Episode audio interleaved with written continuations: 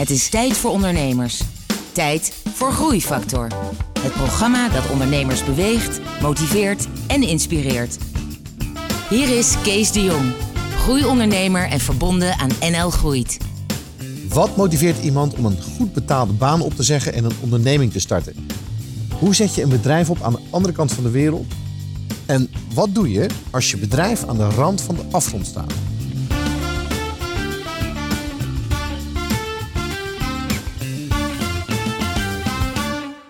Welkom bij Groeifactor, het programma dat ondernemers beweegt, motiveert en inspireert. Met een openhartig gesprek hier op de bank met een inspirerende ondernemer. Vandaag is Katelijne Lania mijn gast. Katelijne, welkom. Dankjewel. Katelijne, je hebt een bedrijf dat heet A Beautiful Story. En je laat sieraden maken in Kathmandu. Dat klopt. En, en je verkoopt ze in heel eh, Noordwest-Europa. Mhm. A Beautiful Story, hoe kom je aan die naam? A Beautiful Story is echt spot on, want het vertelt meteen waarom ik mijn bedrijf heb. Omdat ik namelijk geloof dat in ieder mens ter wereld, waar je ook geboren bent, en waar je ook bent opgegroeid, eh, dat ieder mens een mooi verhaal heeft. En wat ik wil doen met mijn bedrijf is mensen inspireren dat mooie verhaal uit zichzelf te halen. En hoe vertaalt zich dat dan in jouw product in de sieraden? Ja, dus misschien een beetje vergezocht om dan een uh, sieradenmerk te hebben. Uh, dat gaat in de toekomst waarschijnlijk ook nog veel breder worden. Maar wat wij doen met onze sieraden is dat elk sieraad heeft een symbolische betekenis. We gebruiken bijvoorbeeld edelstenen die dan een bepaalde betekenis hebben. Die jou aan het denken zetten over ja, wat voor cadeautje jij voor jezelf nodig hebt op dat moment om te groeien en te gaan. En daarnaast heb je aan de andere kant de makers van de sieraden. Uh, ik, ik, zoals je al zei, werk ik in Kathmandu in Nepal. Uh, daar zijn mensen die, uh, ja, die zitten gewoon in economische minder goede omstandigheden. En door deze sieraden te maken, kunnen zij ook hun eigen leven gaan creëren en hun eigen mooie verhaal creëren. Even, even terug hoe dit is begonnen. Jij bent niet vanuit huis ben je ondernemer. Je bent begonnen als, als marketeer, geloof ik, hè? bij een bij Douwe Egberts. Ja, ik uh, zat bij Douwe Egberts op de marketing en uh, ik was heel goed in uh, allerlei soorten voedsel verkopen, koffie, rijst, thee. En daar heb ik ook heel veel plezier in gehad. Maar ik merkte wel na een aantal jaren dat het me niet zo vervulde. Omdat je toch eigenlijk ja, gewoon keihard werkt om, om veel winst te creëren. En um, ik heb tijdens mijn studie veel in ontwikkelingslanden rondgelopen een bakkerij gebouwd in Afrika en in China. Stage gedaan voor foster parents. Plan heet dat tegenwoordig. En toen ben ik daarna in Nepal terechtgekomen. En in Nepal heb ik. dat was nog tijdens je studie? dit was na mijn studie. Oh. Toen had ik echt zoiets van: ja, ik wil een tijdje me ergens inzetten voor een doel. Ik ben bedrijfskundige. Maar ik heb tijdens al die reizen die ik heb gemaakt gezien dat je met gezond verstand en de manier van denken die wij hier in het Westen leren, eigenlijk heel goede dingen kan toevoegen op plekken waar het minder is. En door co-creatie met de mensen daar te gaan kijken, ja, wat, wat kan jij, wat kan ik? En hoe kunnen we samen iets maken waar iedereen van profiteert? En, en daar kreeg je het idee voor. Kreeg je toen al het nee, idee toen of kwam nog dat niet. later? Toen uh, heb ik uh, een computercentrum opgezet waar uh, ja, arme studenten gewoon vaardigheden kunnen opdoen. ik heb daar allemaal vrienden op gedaan, waaronder de eigenaar van een werkplaats, een zilverfabriek. En ja, daar ben ik altijd contact mee blijven houden. En toen ik vijf jaar bij Douwe Egberts werkte en dus een beetje in een persoonlijke crisis zat van ja, ik vind het werk wel leuk, maar ga ik dit nou voor altijd doen? Toen kreeg ik een bericht uit Nepal uh, dat hij het moeilijk had. En dat hij, uh, nou ja, eigenlijk. Uh, Toen dacht je, dit is een soort van goddelijke ja, dit interventie. Is een soort, ik moet, this is moet, my call. Ja. Ik moet, hier moet ik op. Dus ik ben De redelijk, ik ben redelijk ja. impulsief geweest. Ik heb, het, ik heb mijn baan opgezegd, ben in het vliegtuig gestapt en heb geld geleend van mijn ouders, van mijn partner. En iedereen verklaarde me voor gek. Ja. Maar ik ben gegaan en met koffers vol sieraden teruggekomen. En ja, toen begon het avontuur. Wat gebeurde daar precies toen je daar was? Kreeg je toen al een visie over het hele plan? Dacht je toen al, ik ga, ik ga een merk bouwen, ik ga iets met de sieraden doen, ik wil een internationale keten uitrollen? Of, of was het eigenlijk gewoon dat je hem wilde helpen en je, ging, en, en, en je zag wel? Hoe, hoe ging dat precies? Nou ja, dat is het grappige. Want ik was natuurlijk marketeer in een grote corporate... waarbij je volgens allerlei nou ja, verantwoorde marketingtechnische systemen werkt. En ik was zo aan het genieten van de vrijheid... dat ik gewoon alles overboord heb gegooid. En eigenlijk helemaal niet meer na heb gedacht... wat is het grote plan, maar gewoon ja, uh, niet uh, lullen, maar schuiven. En uh, gewoon koffers met spullen mee en verkopen die handel waar ze het ook maar willen. En, uh, dus, dus jij kwam dus aan met die koffers in, in Nederland? In Nederland, ja. En toen kwam je door de douane? Of, hoe, toen, uh, gelukkig liet ze me erdoor. Heb ik die koffer niet open gedaan met al dat zilver erin. En, en toen stond je met je koffers. En, en toen? Naar nou, winkels? of wat, wat, nou, wat was letterlijk ben ik gewoon de boer opgegaan. En ik heb uh, iedereen die ik maar kende gebeld van... mag ik langskomen en verzamel een groep vrouwen of in je bedrijf. En ik ben gewoon letterlijk uit de koffer gaan verkopen. En echt de verhalen vertellen van deze mensen hebben het gemaakt. En uh, dit is hun ambacht, dit kunnen zij. En het zijn fantastische mensen, verdienen de kans om te werken. En uh, nou ja, vanuit, uh, ik denk de combinatie van en mooie producten en die verhalen erbij, ja, ging dat als een tierenlier. Toen ik startte had ik hele grote dromen. En ik geloofde ook echt dat ze uit gingen komen. Dat ik ja, binnen tien jaar 10.000 man aan het werk zou hebben. En uh, tussen je droom en echt de concrete stappen nemen om dat ook te bereiken, heb ik geleerd dat daar uh, nog heel veel tussen zit. En dat je daarin heel veel uh, te leren hebt. En wat, nou, wat, wat, wat zit er dan tussen? Is dat dan de ervaring die je mist? Is het dan misschien het risico dat er groot is? Is het misschien dat je jezelf tegenkomt in situaties? Nou, volgens mij het laatste wat je daar zegt, dat je jezelf tegenkomt. Want uh, ik heb heel erg moeten ontdekken waar mijn talent ligt. En dat, ligt bijvoorbeeld in heel groot dromen. Maar ik heb ook gemerkt dat je mensen naast je nodig hebt die uh, aanvullend zijn. En je kunt zo'n goed verhaal niet in je eentje creëren. Wat was de dus, eerste uh, persoon die je naast je kreeg? De eerste persoon, die is er nog steeds. En dat is tegenwoordig mijn mededirecteur, Ine. zij is een ontzettende ja, aardspersoon, waar ik de grote dromer ben, is zij de realist. En uh, degene die altijd waarom vraagt, maar hoe gaan we dat dan doen? En wat soms waanzinnig irritant is, dan heb je een heel goed plan en dan wordt het weer aan alle kanten afgeschoten. Maar dat is wel wat je nodig hebt, zo'n spanningsveld. Dat je het, uh, ja, de een stretcht de boel en de ander die zet het op aarde. En samen kun je dan vooruitkomen. Ja, en, en zonder haar had jij niet zo ver kunnen komen. Nooit. En zonder jou had zij waarschijnlijk helemaal uh, geen, niet mee gedaan aan, dit, aan zo'n bedrijf. Nee, en het, en het mooie van ons samen is, is dat we allebei dezelfde droom hebben. En dat we allebei echt ja, vol uh, idealen gaan voor die mensen die wij daar kennen. Uh, die zoveel in zich hebben, maar niet altijd de kans om dat te realiseren. En dat je vanuit een gedeelde passie en, en je gezamenlijke talent, of het talent van de ander, dus zo'n grote sprong kan maken. Ja. Maar dat betekent ook heel veel samen groeien en ook zien uh, waar je wel goed in bent en niet goed in bent.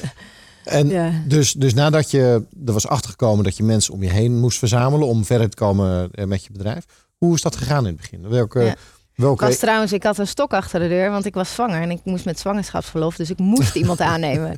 En ik, dat was een van de beste dingen, want daardoor, uh, ik had er anders misschien nog wel lang mee gewacht. Want dat, ik zie het wel, misschien is het een vrouwelijk trekje dat ze eerst echt zekerheid willen hebben dat je iemand kan betalen en dat je, uh, dat, dat was voor mij een must om het te doen, waardoor ik het ook gedurfd heb en achteraf zie van ja, dat was de beste beslissing die ik ooit kon nemen. Ja. En dat is denk ik wat ik geleerd heb, dat ik af en toe mezelf moet stretchen en een grotere sprong moet maken dan ik misschien van nature zou doen, omdat ik liever eerst zeker van de zaak ben.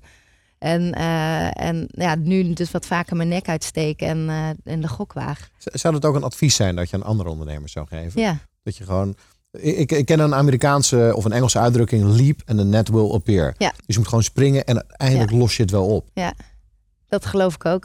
Het is een Chinese spreekwoord die zegt: je kan nooit een ravijn overspringen in twee kleine sprongetjes. Dus je, moet, je moet een grote sprong af en toe nemen om, om over een hobbel heen te komen.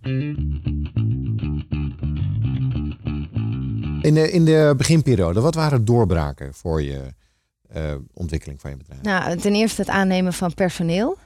En uh, ten tweede groter gaan denken.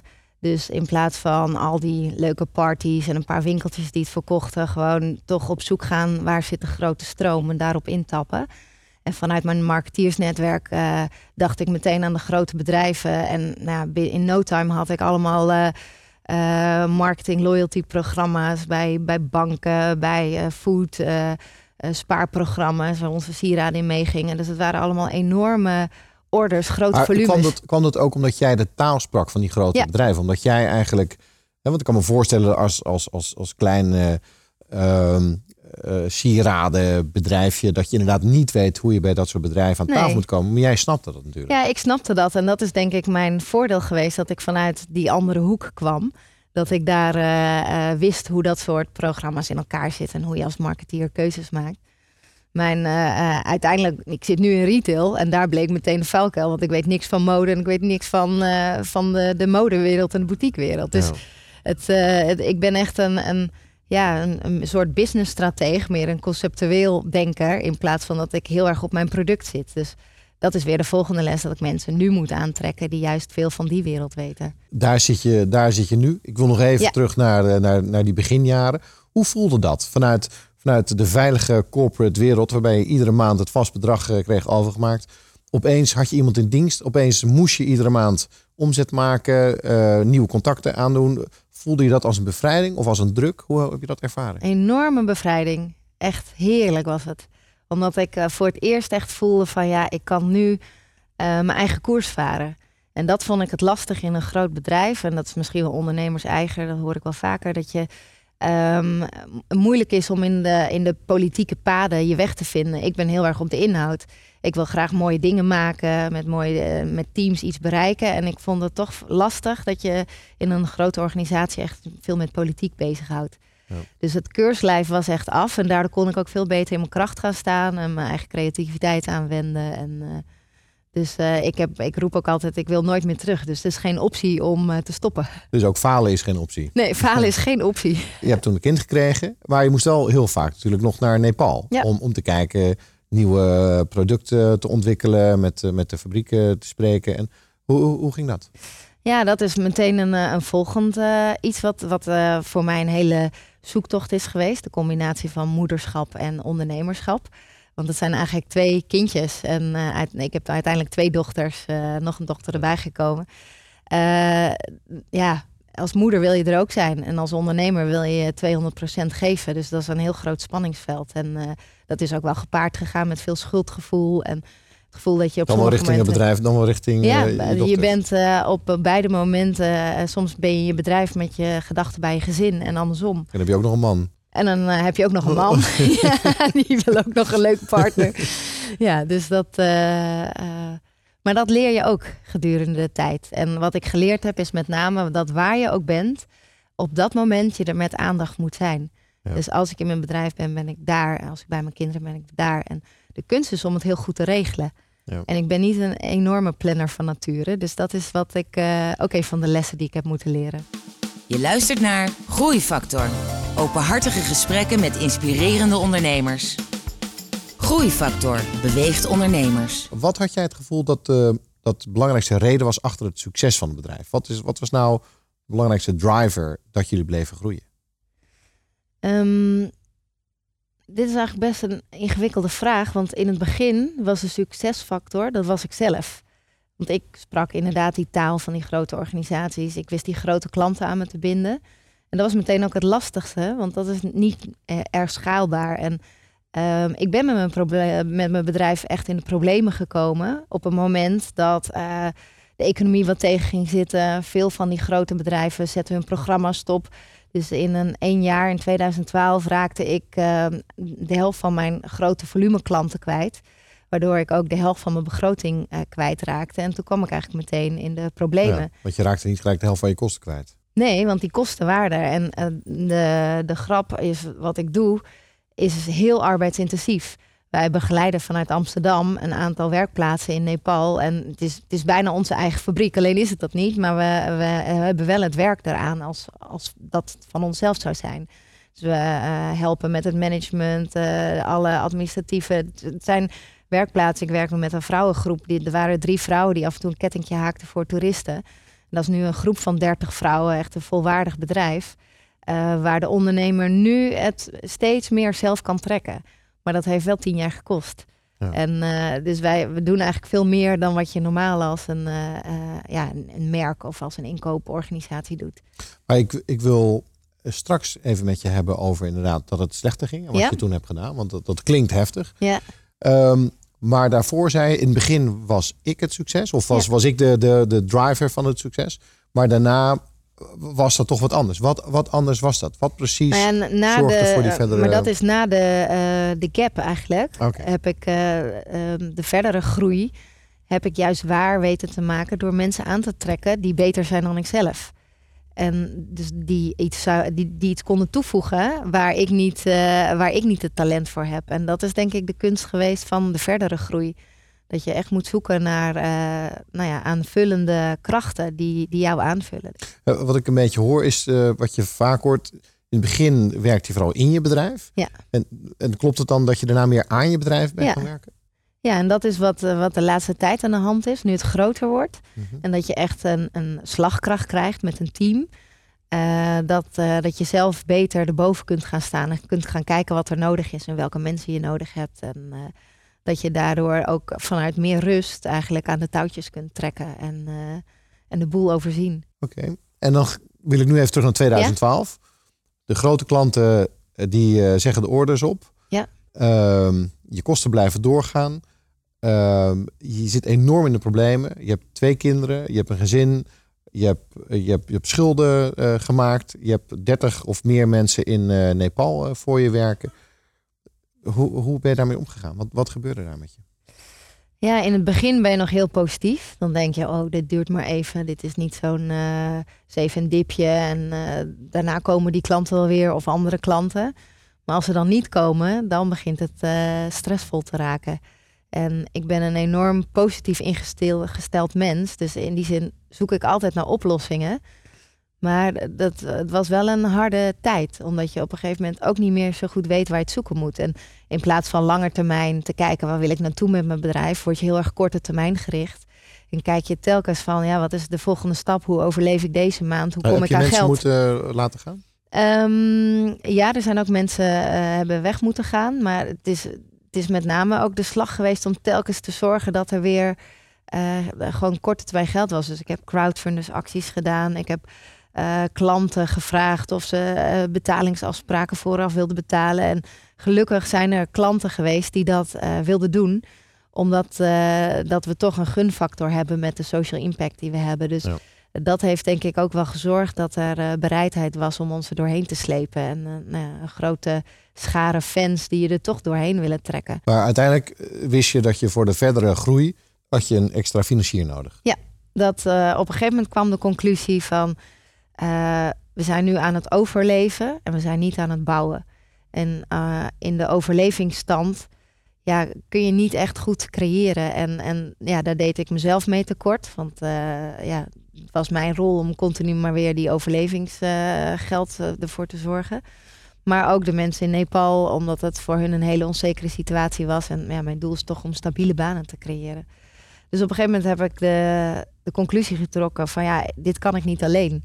Ik moet om hulp vragen. En dat is iets wat ik heel moeilijk vind. Ik los het liever Ja. zelf op.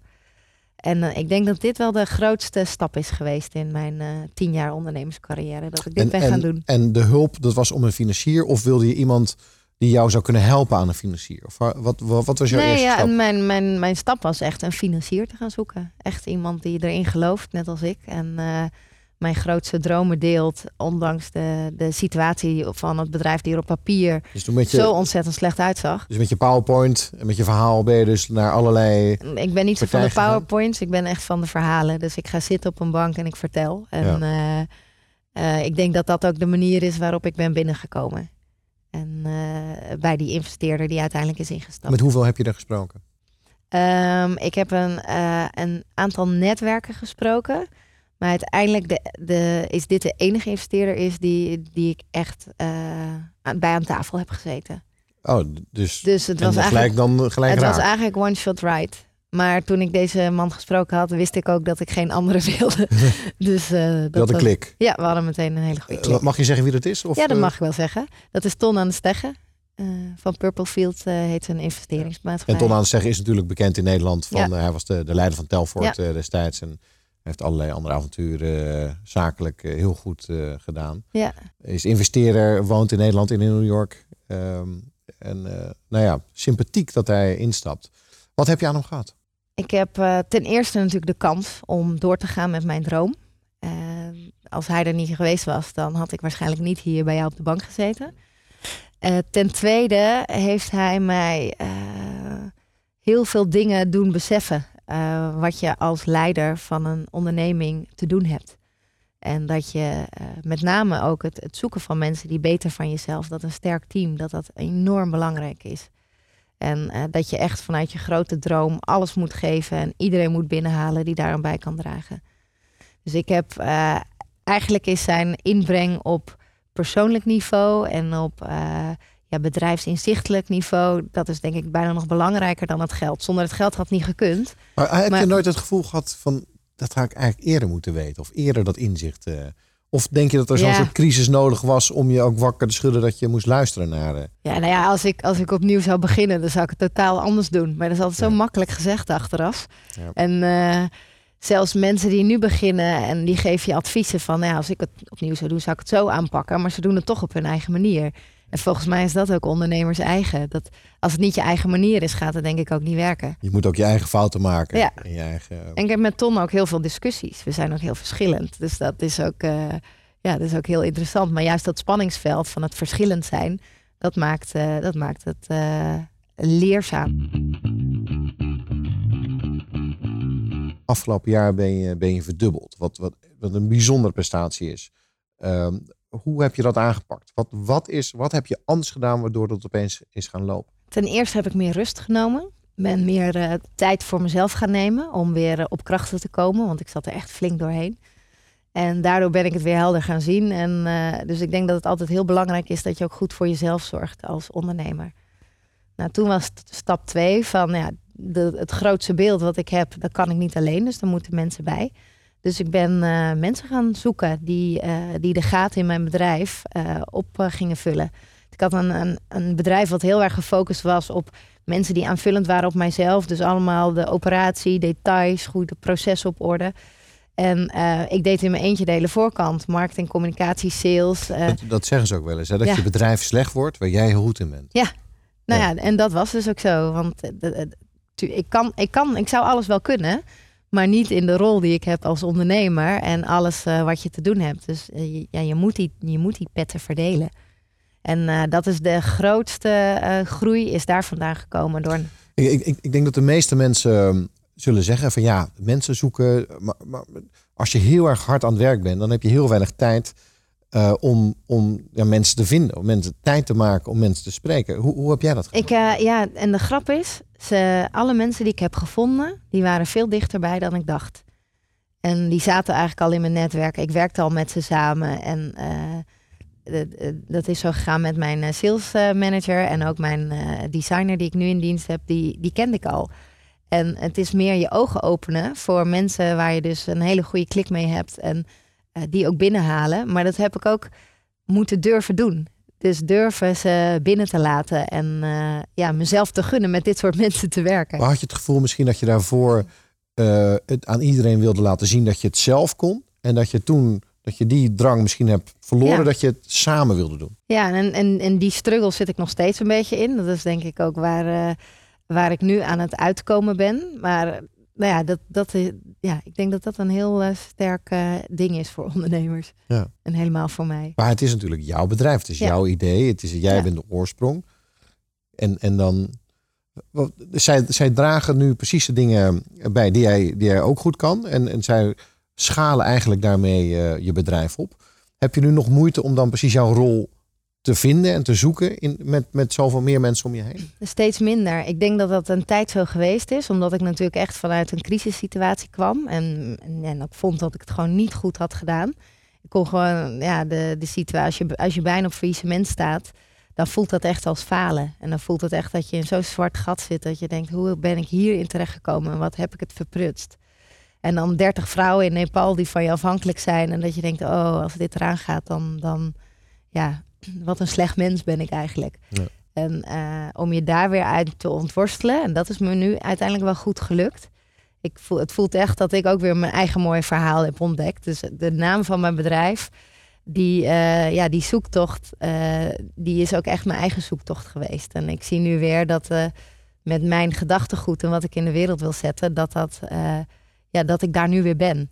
En daardoor voelt het nu ook het moment dat ik zo in die, in die lift zit. Omdat, het ook, omdat ik mezelf weer zie en zie wat ik wil doen. En daardoor kan het ook uh, gezien worden door de buitenkant en door de buitenwereld. Hoe, hoe ziet de toekomst eruit? Ja, heel goed. Ik, ben, uh, ik kijk heel erg uit naar de toekomst. Omdat ik het idee heb dat we nu echt in een enorme groeiversnelling gaan komen. Uh, onze sieraden zijn nu in uh, zes landen op de markt. Uh, we zijn van 150 nu naar 400 verkooppunten. Nou, ik denk dit jaar naar 1000. En nu wordt het leuk omdat je er heel veel producten naast kunt gaan zetten. Al die klanten die ik heb, die blij zijn met onze sieraden, die zullen ook blij zijn met sjaals of met tasjes of met andere ja. spullen. En, en, dat kan ik allemaal op hele mooie plekken maken. Ik heb een enorm netwerk van producenten die staan te trappelen om aan de slag te gaan. Nou, en dat is, nu, uh, dat is nu het interessante om te, de groei ook te managen. Want voor groei is ook weer geld nodig. Nou, daarover praat ik natuurlijk met Tom. Ja. Dus uh, zo zijn we samen. Maar die zal niet ontevreden zijn, zeg maar, met een tent. Nee, zo, hij is, uh, nee hij is heel tevreden over. En als je, als je dan eens door gaat dromen, waar staat het dan over tien jaar? Nou, mijn, een van mijn grote ondernemersvoorbeelden is Richard Branson. Die vanuit uh, Virgin echt een uh, multi-business uh, Dus je hebt ook je eigen heeft. eiland. En eigenlijk, ja, nou, eigen eiland, ja. Ik ben gek op de Schelling. Maar nee, ik, mijn droom is om een, om een Beautiful Story merk te laten zijn... waar heel veel verschillende businessconcepten onder kunnen vallen. Ik heb plannen voor een hotelketen, voor een restaurant, voor een reisorganisatie. Allemaal vanuit de filosofie dat je mensen inspireert hun mooie verhaal te ontdekken en werkt met mensen uh, die zo uit betere om, in betere omstandigheden kunnen komen. En ik denk dat je van daaruit uh, ja, heel veel soorten ondernemers kunt aantrekken om mee samen te werken. Ik geloof echt in co-creatie. Dus ik, ben, ik wil eigenlijk een soort netwerk van allemaal Beautiful Story ondernemers uh, neerzetten. Um, ja, waarmee we echt de wereld een stukje mooier gaan maken.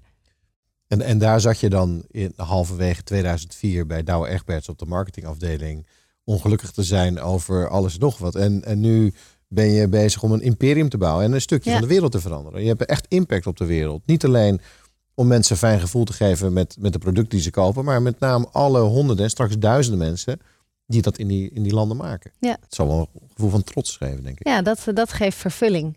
En dat is denk ik wat ik miste bij, uh, ja, bij Douwe Egberts. Dat ik wel het werk leuk vond. Ik had er wel plezier in. Maar er zat niet de betekenis uh, in. Wat, en ik denk dat je als mens altijd moet zoeken van waar zit ik op een pad waar ik plezier heb, waar ik vervulling vind en waar ik iets doe waar ik goed in ben. En als je in, in het spanningsveld van die drie dingen zit, dan uh, ben je op de juiste weg. En dan uh, kan je denk ik ja, alles bereiken wat je maar wil. Ja. En nou ja, ik zit goed. Het, het, het, mooie, het, mooie, van jouw verhaal is, er zit, zit alles in. Er zit de hoogtepunten, de dieptepunten, de plot twist uh, zit erin. En er zit een enorme mooie toekomst uh, in. Ik denk dat je veel andere ondernemers uh, zou inspireren, of misschien niet ondernemers zou inspireren, om, om ook eens na te denken over hoe zij de wereld kunnen veranderen. Ehm, nog even terug naar, naar lessen die je hebt geleerd. Zijn er nog dingen die je zou kunnen meegeven aan ondernemers die, die nu luisteren, die ook misschien wel in een lastige situatie zitten als waarin jij zat? Ja, nou, ik heb hem al genoemd, maar hulpvragen. Dat is mijn uh, grootste les ook geweest. Uh, dat je niet alles zelf hoeft te doen. En dat er vaak heel grote bereidheid is om te helpen. En dat hoeft niet meteen geld te zijn. Maar dat kan ook uh, ja, kennis zijn of hoe je een bedrijf neerzet. Um, sparren met andere ondernemers. Dat heeft mij enorm geholpen. Intervisie doen en met elkaar leren. En ehm, ja, uiteindelijk toch zoeken waar je plezier ligt. Echt je eigen talent goed kennen. Dus jezelf leren kennen. Echt diepte onderzoeken in jezelf. Wie ben ik? En uh, wat is mijn rol in dit geheel? En, en ja, daar oh, die rol ook pakken. En, en dan voeg ik nog toe, die je ook nog even eerder noemde. Uh, zorg er op een gegeven moment voor dat je mensen aanneemt die beter zijn dan jij. Ja. En wees daar niet bang voor, want dat is wat je uiteindelijk verder, uh, verder helpt. Katelijne, ik vond het een heel bijzonder verhaal. Ik vond het een beautiful story. En uh, ik ben ook super geïnspireerd door dit gesprek. Dankjewel. Dankjewel. Allemaal bedankt voor het luisteren naar Groeifactor. Een fijne dag verder en graag tot een volgende aflevering van Groeifactor.